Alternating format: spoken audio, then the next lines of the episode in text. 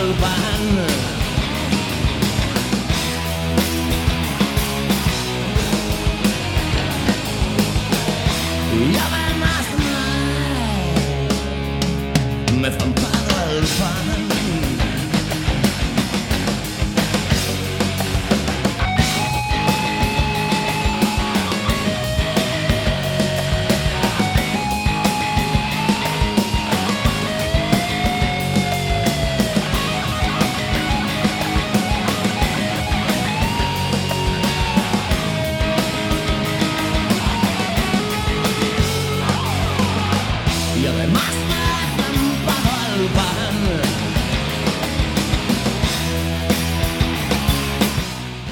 Ola, irmáns e irmáns Non son Tommy Desastre Son Mr. Bugalú E Tommy Desastre non o vexo por Menudo lío que temos montado en Quack FM Mariano, Mariano estaba intentando suplir a miña personalidade Pero eu estou aquí, hoxe sí, perdón por non estar o martes pasado. Estiveches ao final de todo, pero bueno, estiveches. Sí, sí, cheguei, pero non ao principio do programa E por iso que estas mm, cousas que suceden Rebelión en la granja, señores. Carallo, caracho.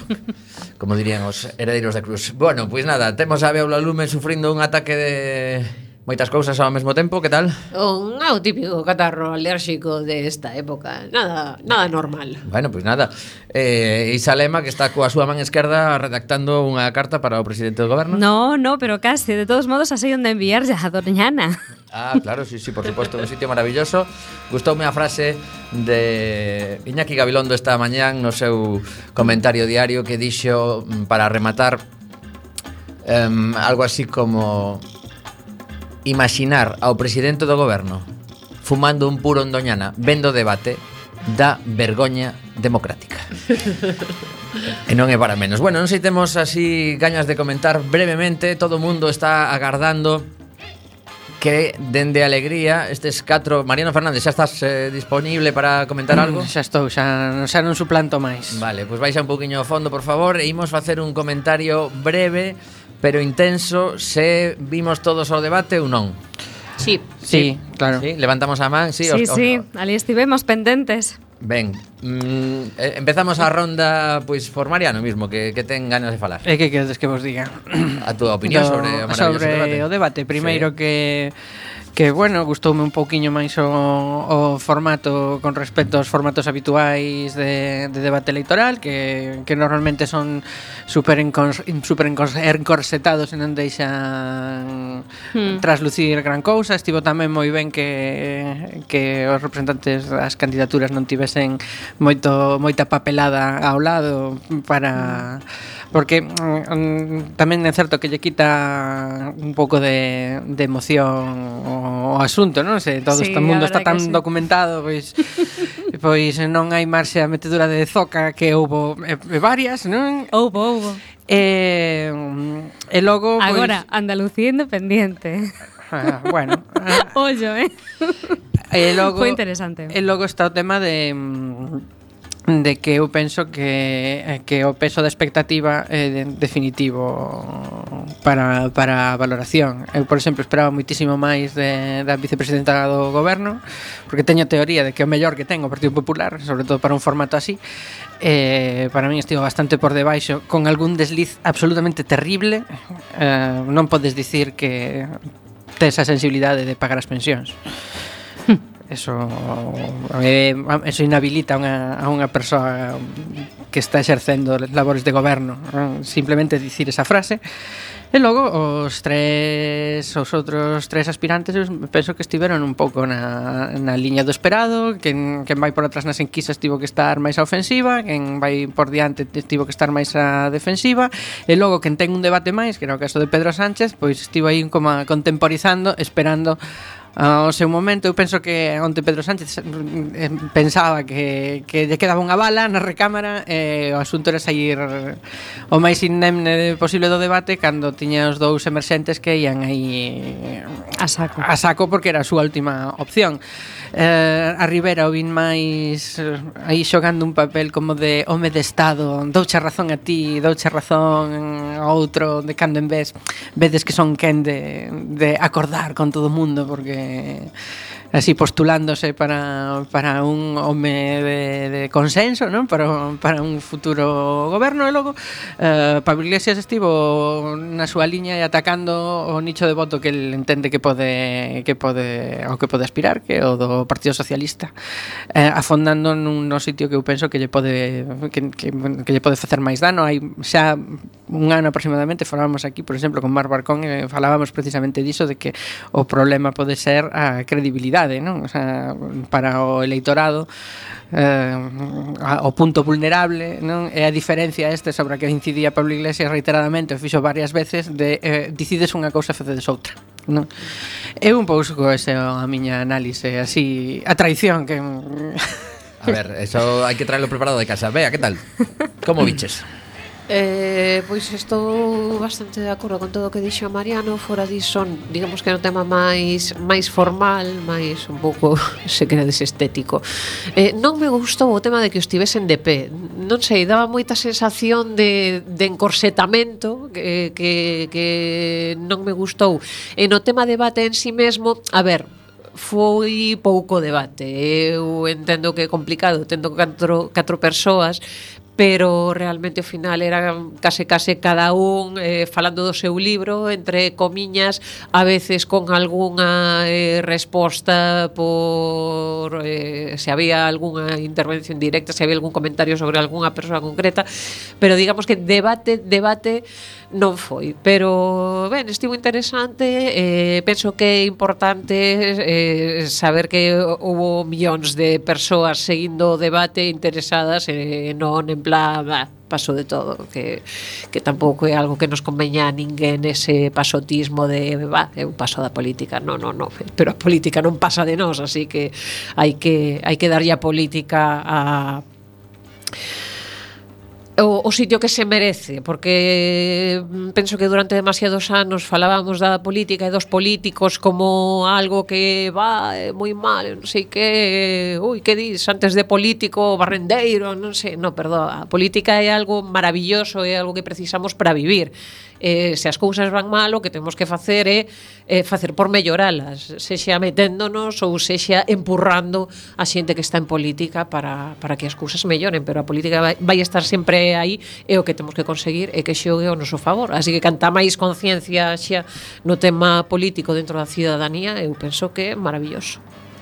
Isa. Pois, eh, pois moi interesante, a verdade é que non tiña especial interese en ver o debate, pero andaba pola casa e dixen, bueno, pois vou, vou a poñelo. Un debate no que non está o presidente do goberno, a verdade é que lle quita moito feeling, non? Porque, eh, sinceramente, eu creo que Mariano Rajoy eh, foi moi, está sendo moi desleal coa súa man dereita e coa persoa que máis lle ten quitado as castañas do lume nos últimos tres anos, nos últimos case catro anos, porque a verdade é que e que, bueno, pois eh, non é fácil ir a un, a un debate nestas condicións no que puideches facer moitas cousas ben, non as fixeches e tiveches que facer ademais moitas cousas malas e entón pois defender unha postura de goberno eh, pois intentou non facer pero eu considero que, que non o fixo ben. A vicepresidenta de feito pois chegou a actitudes bastante victimistas no senso de tería que velos a vostedes aquí hai 4 anos cando non nos interviron pero casi, etc etcétera, etcétera. Entón, pois, bueno, outro día a Rajoy se lle escapou nun, nun de... Nun, nunha especie de entrevista na, en Telecinco ou na Sexta ou non sei onde se lle escapou que foi moi duro o tema de negociar o debate do o rescate. o rescate, foi a primeira vez que o dixo.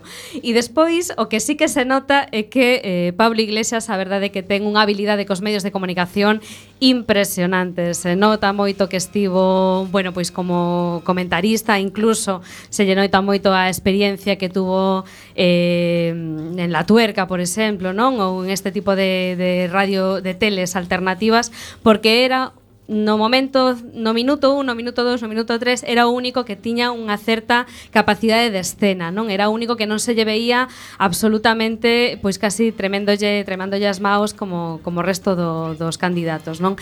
E ademais o fixo moi ben no senso de que eh, soubo manter unha aptitude eh, de intento ser o suficientemente negociador para que a xente non diga a este non lle vou a votar porque total non vai a chegar a un consenso con ninguén, que é un pouco que se lle pode votar en, en man ou en riba eh, a ao candidato a Esquerda Unida que non puido participar no debate e por outro lado pois eh, bueno, deixou a Pedro Iglesias como un tipo eh, perdón, a Pedro Iglesias a Pedro Sánchez como, como un candidato que parece que non estaba nin sequera respaldado polo, polo seu partido non? E que decía, lle decía algo así como eu considero que todo o que está dicindo non está mal e ademais é posible que hasta o pense pero claro, o seu partido non o fai e entón pois claro, non ten moita credibilidade. Entón, eu entendo que vostede, pero claro, como o seu partido partido non o fai e ademais lle fixo moi, eu creo que lle fixo dunha maneira moi inteligente porque é un tipo moi hábil coas, pa, coas palabras, pois lle fixo moito dano. E, e mm, neste caso Pedro non soubo eh, sair desa bueno, pois desa acusación, non? Cando eu creo que o podía facer, podía poñer, por exemplo, a comunidade de, de Andalucía como un exemplo de unha maneira diferente de, de facer política en temas sociais, por exemplo, non? Cando se falou da lei de dependencia, etcétera, etcétera, e sin embargo non soubo, non soubo por aí. E logo, bueno, pois eh, se confirma o, o candidato de Ciudadanos como el trepa del año, o sea, impresionante, o deste rapaz é impresionante, increíble que teña a mesma idade que a min. De verdade me sinto absolutamente absolutamente incompetente, non me presento a nada, tendo a mesma idade que este tipo, cando realmente pois pois soltou moitísimas vaguedades, a min preocúpame porque unha persoa que posiblemente o seu partido posiblemente teña pois moitas opcións de gobernar, co-gobernar ou ser moi decisivo, e a min presentouseme como un partido político que lle gustaría mandar pero non sabe para qué. A ver. no tema de Cataluña, ni no tema de España, ni en temas eh, bueno, pues eh, me preocupa, por exemplo, no eido laboral que defenda o um, das poucas cousas, das poucas ideas, único, efectivamente, este, o contrato único, das poucas ideas que, que el lanzou, propostas de goberno que el lanzou, pois se esa é unha das poucas que lanza, pois botémonos a temblar, non? Porque a verdade é que, que me preocupa, eu creo que o gañador claro foi Pablo Iglesias, pero basicamente non é que saiba máis ou manese bueno, pois eh, un discurso máis de esquerdas ou máis rompedor, simplemente pois é máis fácil para er nunha opción de nunca gobernou absolutamente nada, nin sequera a comunidade de veciños, pois claro, é moi fácil criticar ao resto, non? E ademais ten unha habilidade cos medios de comunicación asombrosa. Mariano, rapidamente que temos ao convidado xa connosco, sí, así que, que digo vamos que, aproveitar o tempo. É que eh, a Rajoy saiu, saiulle ben, eu estou convencido de que lle saiu ben o, a estrategia, porque se chega a estar el onte eh, estaríamos falando de outra cousa Porque, o sea, vémoslo como mal menor eh, sí, para o Partido Popular. Eh, coñecidas as súas habilidades de comunicación. É moi bo comunicando. Bueno, eh, é moi bo, é, é moi bo comunicando, pero ten un ritmo de comunicación radicalmente diferente ao que se veu guante. Mm. No, o que debate. que sería el señor mayor con barbas. Claro, estaban estaban tremendamente exixidos, tanto Pedro Sánchez como a, como a Soraya Sánchez de Santa María, estaban moi exixidos polo ritmo do debate. Se, se metes a, a Rajoy nesa, nesa lea, arrancan as pegatinas directamente é unha cousa que se, notase moitísimo a, a soltura a soltura nos medios era moi evidente e tamén um, o, o, o manexarse en debates así eh, fora de fora do contexto parlamentario, non? Eh, manexar debates en medios era completamente diferente. Eh, eu remato comentando que me parece... Sí, claro, porque ti moito lanzar... Pensade, pensade, pero ti estabas aí de rositas que... No, no, non, eu tiña a miña opinión Pero estabades aquí intervindo todos E, e xa agora pediches turno por, por alusións Non sei por qué No, no, por acotar, porque claro Porque non faláramos do de, do, de Doñana, claro que... Bueno. Ben, pois, brevemente comento Que por unha banda me parece que este tipo de debates Xa sabemos todos os que mm, nos preocupamos un pouco pola comunicación Que teñen unha trampa evidente que non se pode entrar en detalle nos temas importantes, non podes desenvolver as propostas que, que queres levar, Por outra banda, esquecimos temas tan importantísimos, por exemplo, que non se citou por ninguna banda, a lei Mordaza, pasou totalmente desapercibido, parece que xa non existe esa lei no noso país. E, e por último, unha pequena anécdota, pero me parece significativo o, o pillo que foi unha das cousas que che din cando tes que comunicar en público o truquillo de ter algo na man, o bolivic. Sí, ese eu boli, tamén. Ese non nos soltaba nin que o mataran. Que aparte non é un boli calquera, é o boli mm, de todos. eh? eh. Pois ese bolivic ten a pois súa, que o devolva, que de todos. Veña, escoitamos un minutiño nada máis de música para organizarnos e eh, comezamos cunha entrevista ni máis ni menos que a o candidato número 2 ao Congreso polo Partido Socialista en Galicia, Ricardo García Mira, que xa está connosco e ten moitas ganas de falar, seguro. Queen. Tonight. Gonna have myself a real good time. I feel alive.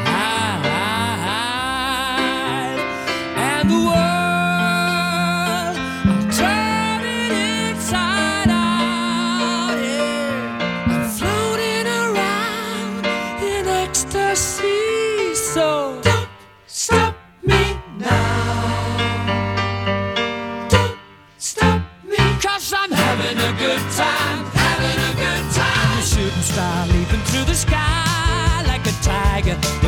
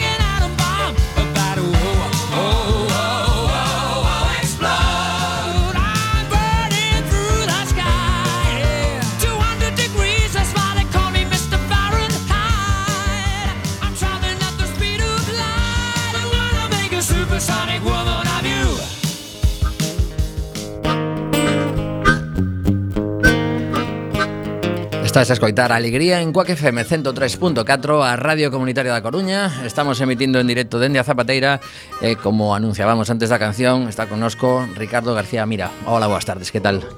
Espera un segundiño que imos a chegar o micrófono eh, A ver agora, mellor? Ola, boas tardes. Agora sí. Agora sí. Pois dicíamos que o, o candidato número 2 na lista do Partido Socialista de Galicia ao Congreso dos Deputados. Eh, nos podes comentar algo da túa compañeira Pilar Cancela, que é a número 1, para xente que non, que non saiba quen é. Bueno, Pilar Cancela eh, eh, en principio é unha muller que encabeza a lista pola provincia da Coruña como as outras catro mulleres que encabezan tamén a lista do Partido Socialista de Galicia PSOE nas outras catro provincias. Unha muller válida que ten interiorizado moi ben o que significa a aplicación dos principios do socialismo ás políticas prácticas e iso ten que ver moito coa educación, coa sanidade, coas políticas de muller, coas políticas de, de dereitos sociais, e todo eso que, bueno, estamos empezando a ver xa como un costume que non lo conculque o Partido Popular e o goberno que ten encabezado Mariano Rajoy hasta hoxe. Uh -huh. E vostede que nos pode comentar da súa trayectoria como como militante do partido e como e como político agora en activo, digamos? Bueno, milito solidariamente no Partido Socialista desde hai 30 anos e, e bueno, dende entón teño prestado apoio eh, en diferentes eh, eidos no? da, da política eh, activa, asesorando ou participando en actividades desta organización. Si ben eh, teño estado moito máis activo eh, no, no eido da UGT, no mundo sindical, donde eh, desempeñei distintas funcións de representación ao longo destes anos, non? tanto na estrutura da, da Unión Xeral de Traballadores na, no sector de educación no ámbito local, no ámbito galego, e últimamente tamén no equipo federal non? en Madrid, asesorando a Secretaría Xeral de Universidades non? nas relacións eh, nas negociacións co Ministerio de Educación eh, e co Ministerio de Ciencia e Tecnoloxía. Para quen non coñeza a Ricardo García Mira, ele é profesor de Psicoloxía Social e Ambiental na Universidade da Coruña, na Facultade de Ciencias da Educación e tamén é un investigador de prestixio tamén da, bueno, pois do sistema universitario galego e eh, seguramente pois moitas das decisións e moitas das eh, aportacións que el faga no Congreso dos Deputados si resulta pois a ir eh, elexido nas eleccións do 20 de decembro, pois van a ir un pouco orientadas ao campo da educación e da, da ciencia e da investigación non, Ricardo? Bueno, non cabe dúbida que nos últimos anos no, unha liña de investigación que formou parte do, do noso acervo como grupo de investigación no Sistema Universitario Galego eh, tiña que ver coas relacións entre a investigación e a política práctica, é dicir, como os resultados de investigación poden chegar a convertirse, crear as pontes necesarias eh, a nivel de gobernos locais, autonómicos, ou mesmo nacionais ou europeos para imple ser implementados en políticas, en directivas, en, en distintas accións, ¿no? de maneira que eh, a, o resultado da investigación chega a ser un, chega a ter unha plasmación ¿no? na, na, na vida pública. É dicir, o cidadán é o único que financia a investigación a través dos impostos. Non? Non, a investigación non ben financiada nin por unha fundación, nin por unha eh, institución pública que non teña outra finalidade que a de repartir os impostos en, en, en estratos como pode ser a investigación, o desenvolvemento, a investigación e a innovación. E nós consideramos que eses resultados eh, teñen eh, que chegar ao cidadán. O cidadán ten o dereito a ese retorno en forma de políticas de saúde, en formas de políticas de benestar, en formas de políticas educativas e sociais. E iso, bueno, ese constituiu o, un, unha estrutura principal ¿no? de, da liña de investigación que estamos desenvolvendo últimamente, cunha liña moi activa en temas de innovación social, traballando con outros socios europeos, ¿no? en proxectos que son financiados dentro de estrategias específicas da Comisión Europea, no? como é o proxecto de innovación social que estamos desenvolvendo ou como é o proxecto sobre estilos de vida uh, sustentables no? dentro do marco da, do programa de economía verde que desenvolve a Comisión. E aí, bueno, é onde estamos. Entón, bueno, desde fai moito tempo sinto curiosidade e eh, tamén en, en poñer un pé non na parte política porque non chega a ser suficiente non? Na, a innovación e investigación para chegar a convertir uh, a investigación en un beneficio para a sociedade, en un beneficio para o cidadán.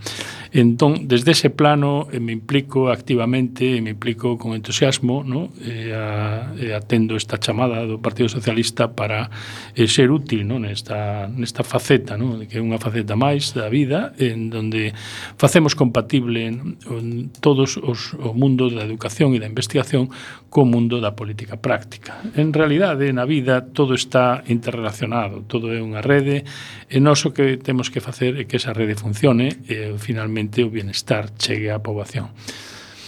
Tentaremos aproveitar os, os minutos de entrevista así que imos eh, facer bastantes cuestións intentaremos tamén que as súas respostas eh, sexan un poquinho máis breves. Eh, importante, hoxe chegaba Pedro Sánchez á cidade eh, era unha convocatoria nun, nun espazo bastante grande eh, houbo cheo eh, que, que valoración pode facer vostede? Bueno, Pedro, Chan, Pedro Sánchez chega a unha cidade que o recibe con gusto, e eh, o recibe como hoxe se viu no, no Palexco, eh, con un cheo eh, hasta, bueno, hasta fila donde hubo xente que se quedou mesmo fora, ¿no? Entón, bueno, isto quer dicir que, que Pedro Sánchez é unha persona ben recibida nesta cidade, ben recibida nesta provincia, nesta comunidade, e a xente eh, está eh, poñendo moitas expectativas no que pode ser unha política de, eh, de volta á recuperación dos dereitos que os se están conculcando de desde os sistemas máis regresivos no? da política conservadora, desde os sistemas máis regresivos do capitalismo internacional. Pero o Partido Socialista, eh, a tendencia de, de votos na cidade, a verdade é que últimamente, incluso tamén na provincia, é de, de disminución con respecto a, a anteriores eleccións. Supoño que iso é complicado de, de cambiar as tendencias, non?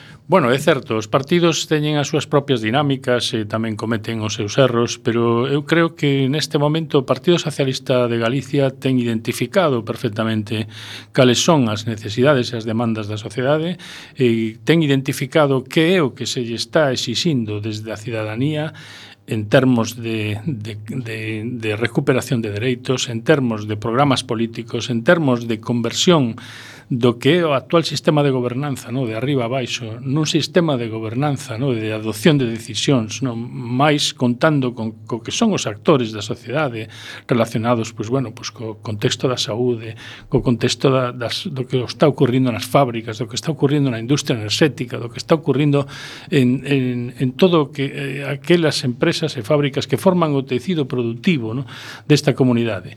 Eu creo que eh, o SOE, bueno, ten identificado explicado bem. Eh, ten correxido no? eh, os, eh, bueno, os, seus, eh, os seus erros no? que se poden dar en toda a organización e ten asumido a súa responsabilidade. No? Como organización con máis de 130 anos no? de, de existencia, ten esa responsabilidade de facelo e creo que eh, Pedro Sánchez encabeza un equipo que vai a ser capaz no?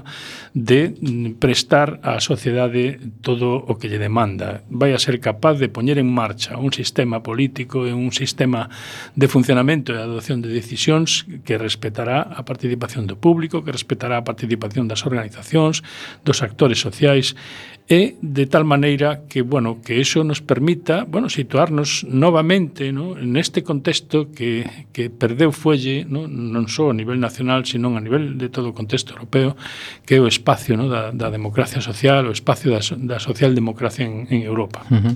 Estiven visitando a página web do Partido Socialista de Galicia E vexo pois, eh, bastantes actos nos que vostede está presente. Eh, Comezou a campaña o pasado venres pola noite. Xa tiveron xuntanzas con, con diversos colectivos. Eh, Alguna cousa que lle chamase a atención dunha reclamación Que vostede non, non coñecía nada E eh, que dixeron pois, eh, Temos que poñernos con isto porque é un, un problema serio eh, E descoñecía personalmente Bueno, visitei a, visitei a factoría de Navantia en Ferrol Na que non entraba desde facía tempo, eh, por certo. E, e bueno, tivemos unha entrevista cos seus con os membros do seu comité de empresa. Eh, pudemos eh, constatar no, a, as dificultades e as controversias no, que, que se xeneran do exercicio do poder e do goberno en Galicia e do exercicio do goberno no Estado, no senso das contradicións no? que, que demostran e eh, fan aflorar no? a falta de, de, de canles directos de coordinación no? entre ambos gobernos. No? E, e que hai unha industria que podía ser un tecido estratégico, que podía ser un, un eixo estratégico no? para o desenvolvemento de Galicia como a industria naval e está sufrindo eh, cada vez máis retroceso. A industria naval no? o se conta en Galicia con un sistema de investigación e innovación que está desaproveitado. Conta ademais con coa posibilidade de ser integrada no? dentro dos eixos estratégicos que promove a Comisión Europea para ser financiada con fondos estruturais e isto está sendo desatendido totalmente por parte da Comunidade Autónoma Galega, por parte do goberno do señor Fejó e coa, coa connivencia do, do, da presidencia do goberno, no? do señor Rajoy, no senso de que existindo a, a posibilidade de financiar estruturas de I+.D. estamos dependendo das, das limitacións e das estruturas que nos impoñen desde os Estados Unidos ¿no? a través da, das condicións que pon para a fabricación de determinadas pezas e de determinadas, eh, de determinadas infraestructuras ¿no? navais que eh, supoñen un grave retroceso ¿no? eh, con importantes afeccións no, no, nos contratos laborais, na estabilidade das plantillas, eh, na calidade de vida dos traballadores e, polo tanto, no apoio a un sector industrial estratégico como pode, que, que é fundamental fundamental no desenvolvemento de, de non só de Ferrol, sino da provincia e de, da comunidade galega en, en xeral. Outro dos problemas que seguramente veremos durante esta semana que volva a estar eh, en riba da mesa e eh, presente nos medios de comunicación é o sector lácteo, que considera que se lles tomou un pouco pelo nestas últimas negociacións que fixeron en principio, pois eh, parecía que un, había un avance, pero realmente están vendo que, que os cartos non chegan ás explotacións. Non sei se o Partido Socialista ten, ten algún plan estratégico para, para ese sector. Bueno, eh, é inconcebible que un sector, no, como o sector lácteo, que está producindo máis de 40% no, da produción láctea do Estado, o sea, que teña leite máis eh, barata, no, e cos beneficios no? máis cativos no, que pode ter o sector eh, productivo. Este é un tema que o Partido Socialista de Galicia vai a tomar eh, de frente eh, eh, como unha prioridade no, básica para, para abordar. O que non podemos consentir é que Galicia, no, tendo os recursos que ten, no, entre eles o sector lácteo, entre eles o sector naval, o sector industrial, o sea, que sexan eh, mm, que sexan eh, descolocados no, do, que, do que teñen que ser as prioridades no, do desenvolvemento normativo que se ten que realizar en Bruselas, coordinado desde Madrid, e, e en, en beneficio de outros sectores no, interesados e que favorecen a industrias privadas no, que non teñen nada que ver co interés social de Galicia nin tampouco supoñen reinversión no sector, no sector industrial galego. O, o, o RIS3, no, que é o sistema europeo no, que apoia o desenvolvemento laboral, industrial, eh, eh, social e laboral de Galicia, o sea, non pode facerse ao marxen dos, dos que son os principais actores empresariais, industriais e eh, de investigación e innovación en Galicia. E se está facendo ao marxen, a escondidas, eh, eh, casi con connivencia. Non? É dicir, nese sentido, o Partido Socialista se vai a situar, non? e vai a situar con prioridade determinados eh, problemas non? que afectan a Galicia, tratando de reconstruir desde o Parlamento do Estado non? O, a, a maneira non? Eh, máis apropiada non? de construir unha Galicia non? en perfecta eh, convivencia co resto das comunidades do Estado, en perfecta connivencia non só política ou social, senón tamén eh, institucional, no que se refire a as reformas que haxa que emprender institucionalmente no? para promover e eh, eh poñer en valor no? que son as comunidades eh, as comunidades do territorio do Estado a su, o respeto á súa cultura o respeto á súa lingua e o respeto a todo aquelo no? que nos pode facer eh, desenvolver no? como, como unha comunidade que, que ten e goza de recursos propios eh, eh, vendibles no resto do mundo. Onte falouse no debate que houbo na televisión moito de reforma das institucións tamén. Falouse das deputacións e, sobre todo, falouse da eliminación do Senado. E o candidato do Partido Socialista non fixo referencia ao Senado en ningún, en ningún momento, pero sí que dixo que había que reformar esta distribución e posiblemente pois incluso chegar a un Estado federal, non? Realmente o Partido Socialista sería capaz de de presentar unha, unha proposta de novo de novo reparto institucional. Bueno, eu creo que o Partido eh, o Partido Socialista o que sí é seguro é que está aberto ao diálogo institucional, non? no que se refire á reforma da Constitución. Ten en riba da mesa unha proposta eh, como eh, de desenvolvemento dun Estado federal, e está aberto ao diálogo no? para eh, considerar e reconsiderar todas as institucións actuais, a función que sirven, a función política, a función social, o presuposto que, que supoñen dentro do presuposto público, e poñese a falar con todos os actores políticos e sociais para todo aquelo, non? que supoña unha carga para, para, para o erario público que non é preciso, pois, bueno, sesa modificado, sesa retomado, sesa reconsideradas as funcións eh, nos termos de representación, nos termos económicos que, que se plantexen. Eu que, eh, nese sentido, o Partido Socialista Obreiro Español está aberto no, a ese diálogo institucional, a ese diálogo tranquilo, para chegar ao consenso necesario para que, bueno, algo como que, como que pode ser, no? unha posible reforma institucional, se é o Senado, pois o Senado, se é eh, calquer outra, eh, eh, no, eh, con Cataluña sin Cataluña, administración, como pode ser a administración das das diputacións. Bueno, non podemos olvidar que as diputacións e o Senado, bueno, so foron estruturas que se crearon nun momento constitucional eh, eh, eh situado, no, históricamente eh, ao remate da ditadura, inmediatamente rematar unha ditadura cos condicionantes que todo o mundo coñece e que bueno, é que é preciso reabrir ese diálogo, é preciso falar, é preciso eh, Pero bueno, internamente diseñar hai, ese hai novo una, ese futuro, unha folla de ruta de dirixirnos a, pues eso, a reducción de concellos, por exemplo, porque hai hai unha estrutura de, de concellos que quizáis deberíamos eh, pensar en anexionar uns cantos que son moi pequeniños, en canto ás deputacións ata que punto choca as súas competencias coas comunidades autónomas, eso hai un avance grande, hai documentos do PSOE. Bueno, si o que me está preguntando é eh, si, si eu si o Partido Socialista ten xa unha folla no, de, de, de escrita con aqueles concellos que deben de desaparecer xa, no, unha vez he ganado o goberno, non, non está feito esa folla de ruta. A folla de ruta que si sí está feita é a folla da disposición a dialogar ¿no? con racionalidade, o que non pode unha administración do Estado, ningún goberno do Estado, é manter estruturas que eh, non prestan función alguna e non supoñen máis que coste para o Estado. Entón, o Partido Socialista está disposto a introducir as modificacións ¿no?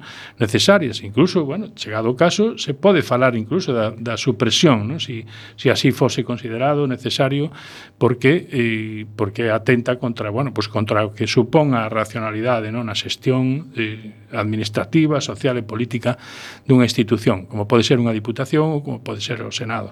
É dicir, nese senso, estamos abertos ao diálogo, non? porque é un diálogo que non pode ser un diálogo monopartido, non? o sea, precisa de, de, de un consenso amplio e precisa de, de, un, de un acordo ¿no? E, e se mella complicado porque ademais, o Partido Popular precisamente eh, parece que non está pola labor e, e co, coa cantidad de, de deputados e, e senadores que, que mm. posiblemente teña pois poden bloquear perfectamente as reformas. Así é, no, así é. Por eso, eh, por eso é necesario ter unha mente de Estado máis que unha mente partidista ¿no? para saber eh, eh para saber poñerte fora no, Eh, eh, tomar perspectiva do significado que poden ter modificacións a nivel institucional, ¿no? como, como pode ser unha modificación deste tipo.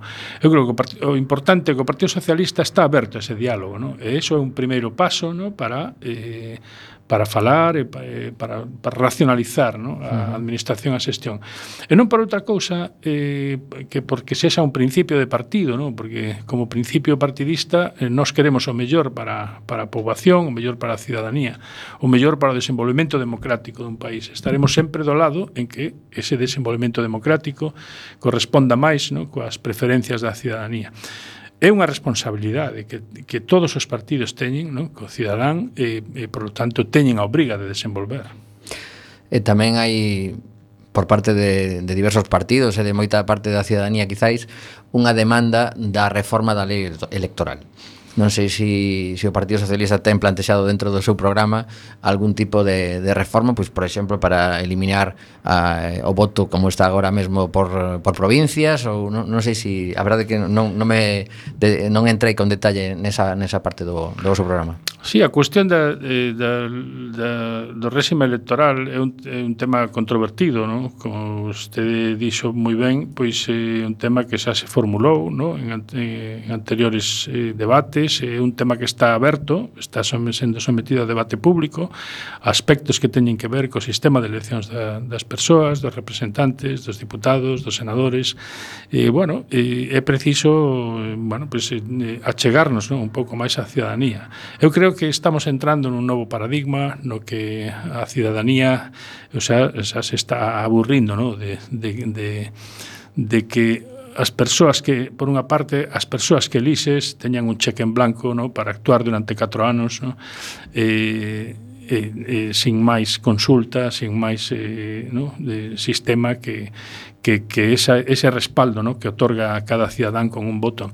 Eu creo que é necesario eh, eh, articular, estruturar ¿no? o proceso democrático en sistemas que permitan achegarse á cidadanía e as, e as organizacións da sociedade civil un pouco máis ¿no? ás decisións políticas. En ese senso, creo que o partido está integrando xente con capacidade para levar a cabo ese proxecto, ¿no?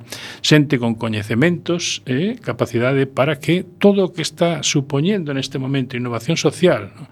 en, eh, que están levando a cabo por diante de moitos gobernos en Europa, no? organizacións da sociedade civil, eh, pois eso poda ser integrado colaborativamente como goberno no? en forma de eh, normas sociais, en forma de, de transformación do que é o ordenamento xurídico uh -huh. que permita que eso que as decisións se tomen de outro xeito. No? Pero no programa hai algo ou non hai nada?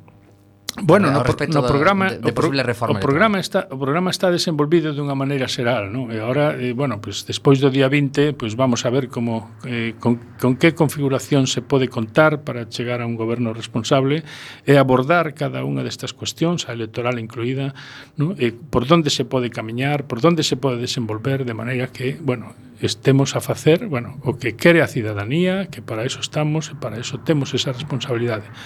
O voto é unha responsabilidade. Se un político non está disposto a asumila, eh, pois este ou non este nun programa, eh, eh, pois bueno, non ten ningún valor, non?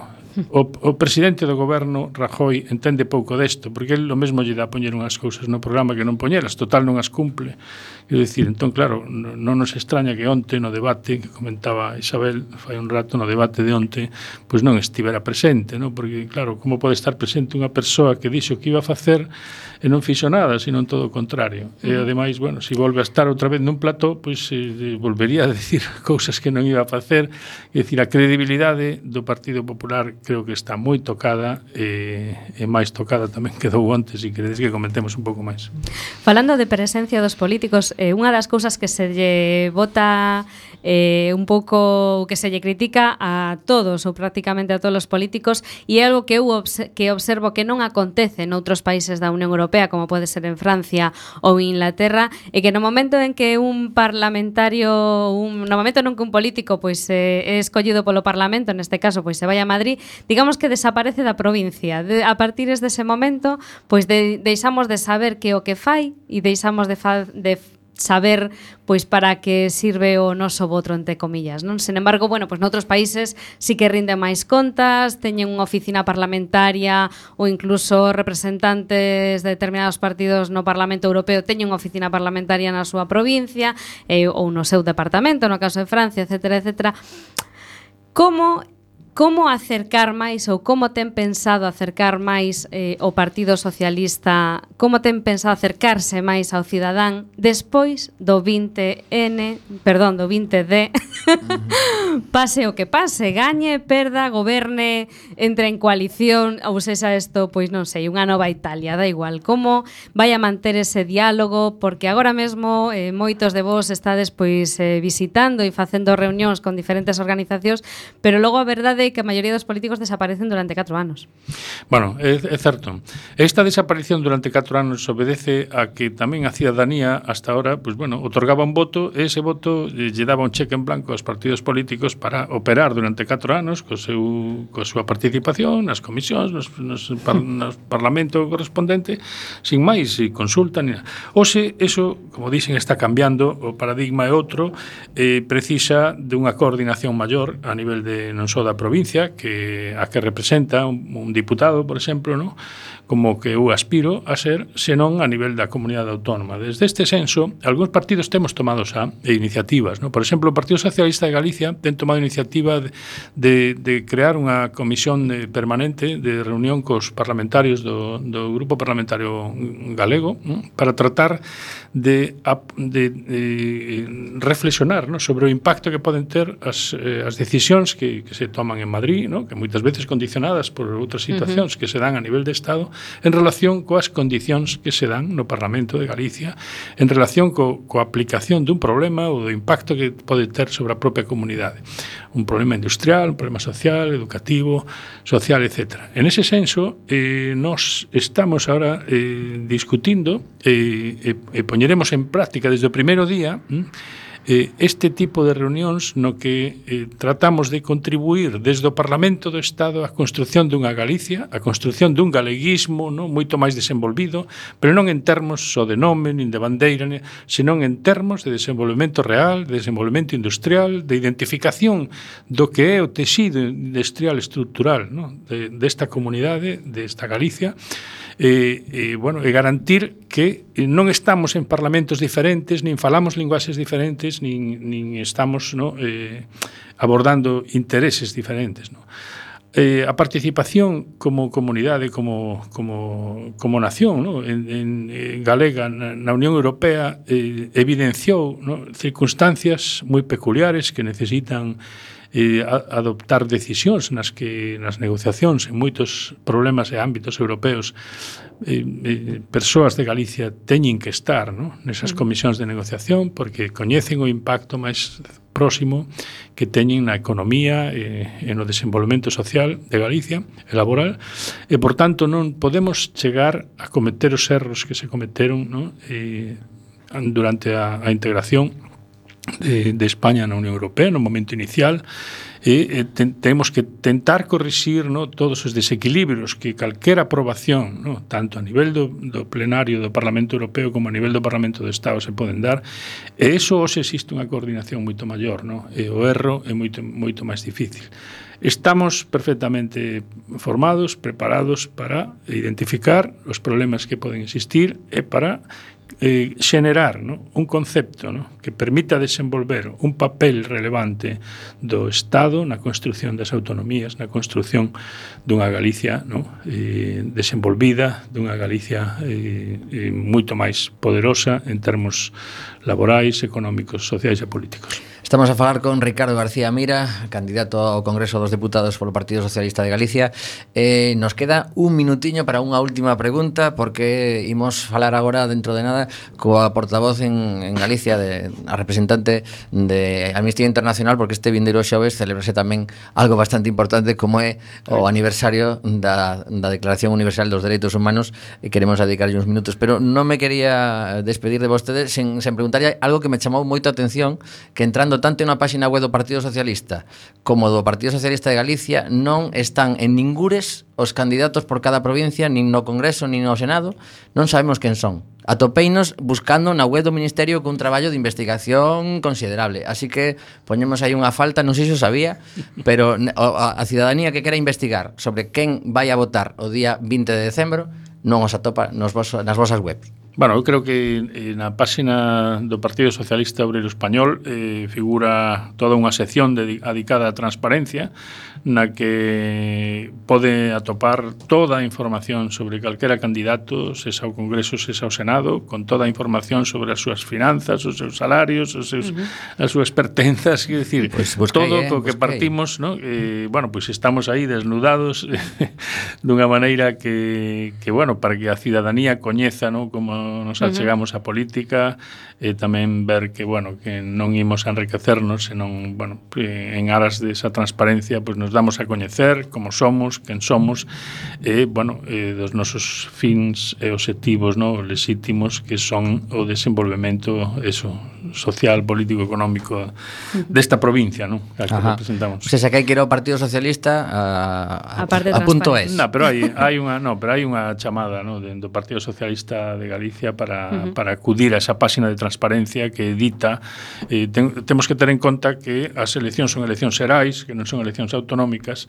Eh, si ben é certo que, bueno, que podería haber unha formación específica, recollo a súa suserencia, ¿no? uh -huh. unha formación máis específica eh, ao, ser, ao ser nós cidadáns de Galicia e, de, e dunha provincia que está integrada nesta comunidade, pero que decir, o importante é que a información está, o importante é que se pode chegar a ela. Estou, estou eh, agora topando isto que me dixo, eh, pero con, con, conste que que estiven no Partido Popular, por exemplo, e atopei moi fácil, sí. en Marea atopei moi fácil, Ciudadanos non o atopei, e agora entrando por transparencia do Partido bueno, Socialista vos... Español, atopei. Vou, vou aproveitar para meter unha maldade de Ciudadanos compréndese, porque porque sei que non todavía non saben nin sequera cales son as propostas para para Galicia, para Galicia. en palabras do seu propio candidato o número un pola provincia.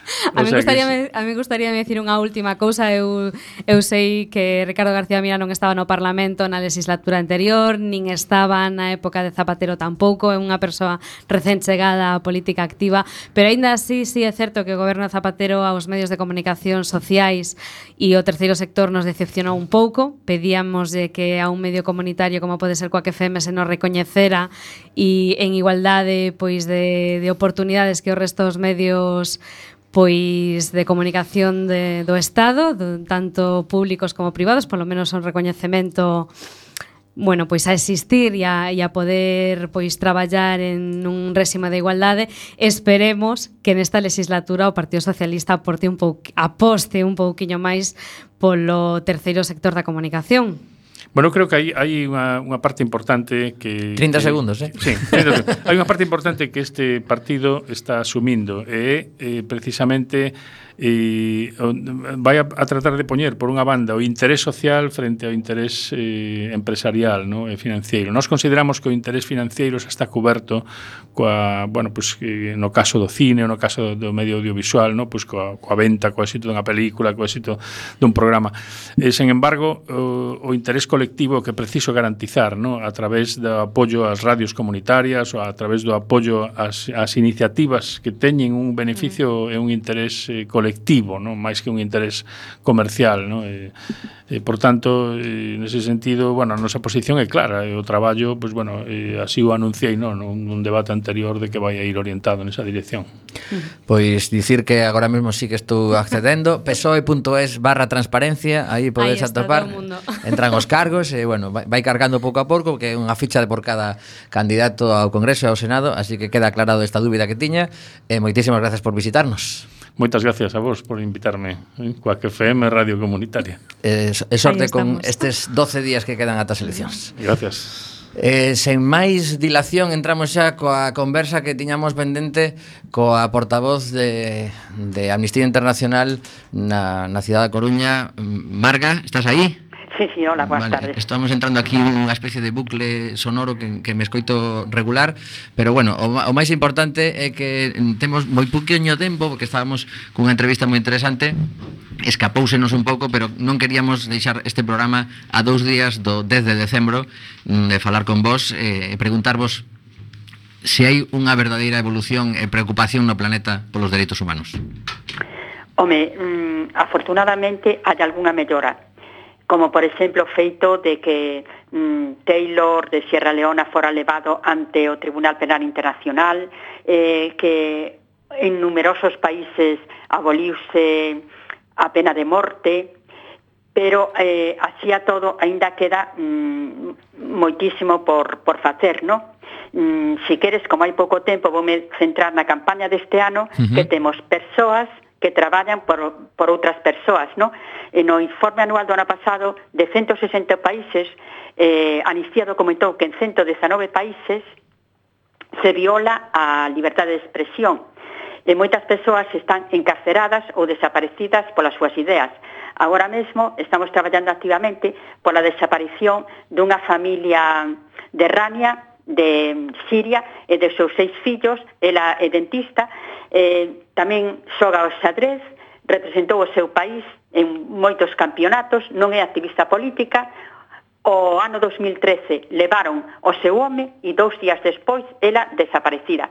E tamén traballamos, e xa remato, por Ives e Fred, dos mozos da República Democrática do Congo que están nunha asociación dun nome precioso, Filambi, asubío en galego, e que esa asociación mm, persigue promover a democracia, ¿no? e por iso están encarcerados. Pero bueno, que a de todos podemos mm, podemos facer que, que cambie o mundo. E agora estou desexando que me fagas a, a pregunta. Pois sí, bueno, a pregunta é que entre os, os diversos actos que estades a preparar para dar visibilidade a un día tan importante para a Amnistía Internacional está un concerto que se celebra o, o xoves pola noite eh, e tamén hai que animar a xente que, que participe neste tipo de actos festivos reivindicativos. Efectivamente, o, na Sala Martigrás o día 10 ás 21 horas eh, contamos ca presencia de Tinécoras e Aspergilus, damos moitas grazas a estas bandas, por suposto tamén a Sala Martigrás por cedernos o local. Eh, o prezo da entrada pois non é excusa, son 5 euros e mm, eses 5 euros posibilitarán de facer presión sobre os gobernos, demostrar ás vítimas da injustiza que non os deixamos sós e cambiar a súa vida, ¿no? En todo o mundo somos máis de 7 millóns de persoas que queremos eh, actuar en favor de outras persoas e necesitamos eh, a vosa forza, ¿no?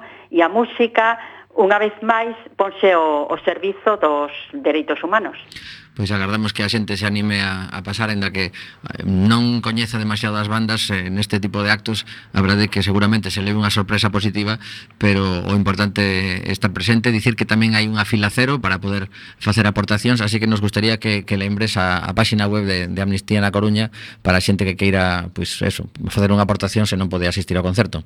Mira, podenos escribir a, o correo electrónico a coruna arroba es www.amnesty.org ou se non poñen en Google Facebook de Amnistía Coruña e aí xa aparece o número de conta que sería moi extenso dicila e todos os datos do concerto. O importante que recordo que o día 10 ás 21 horas Sala Mardi Gras.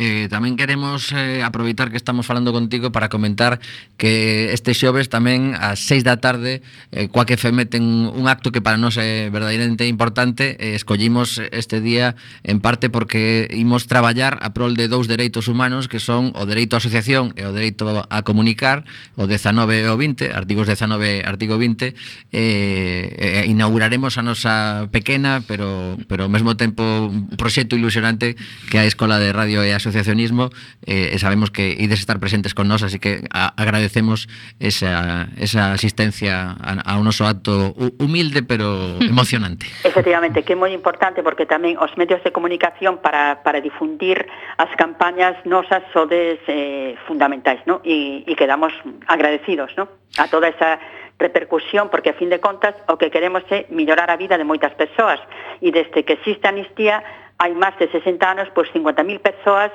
viron mellorada a súa, a súa vida mm, por, pola actuación de, de amnistía. No?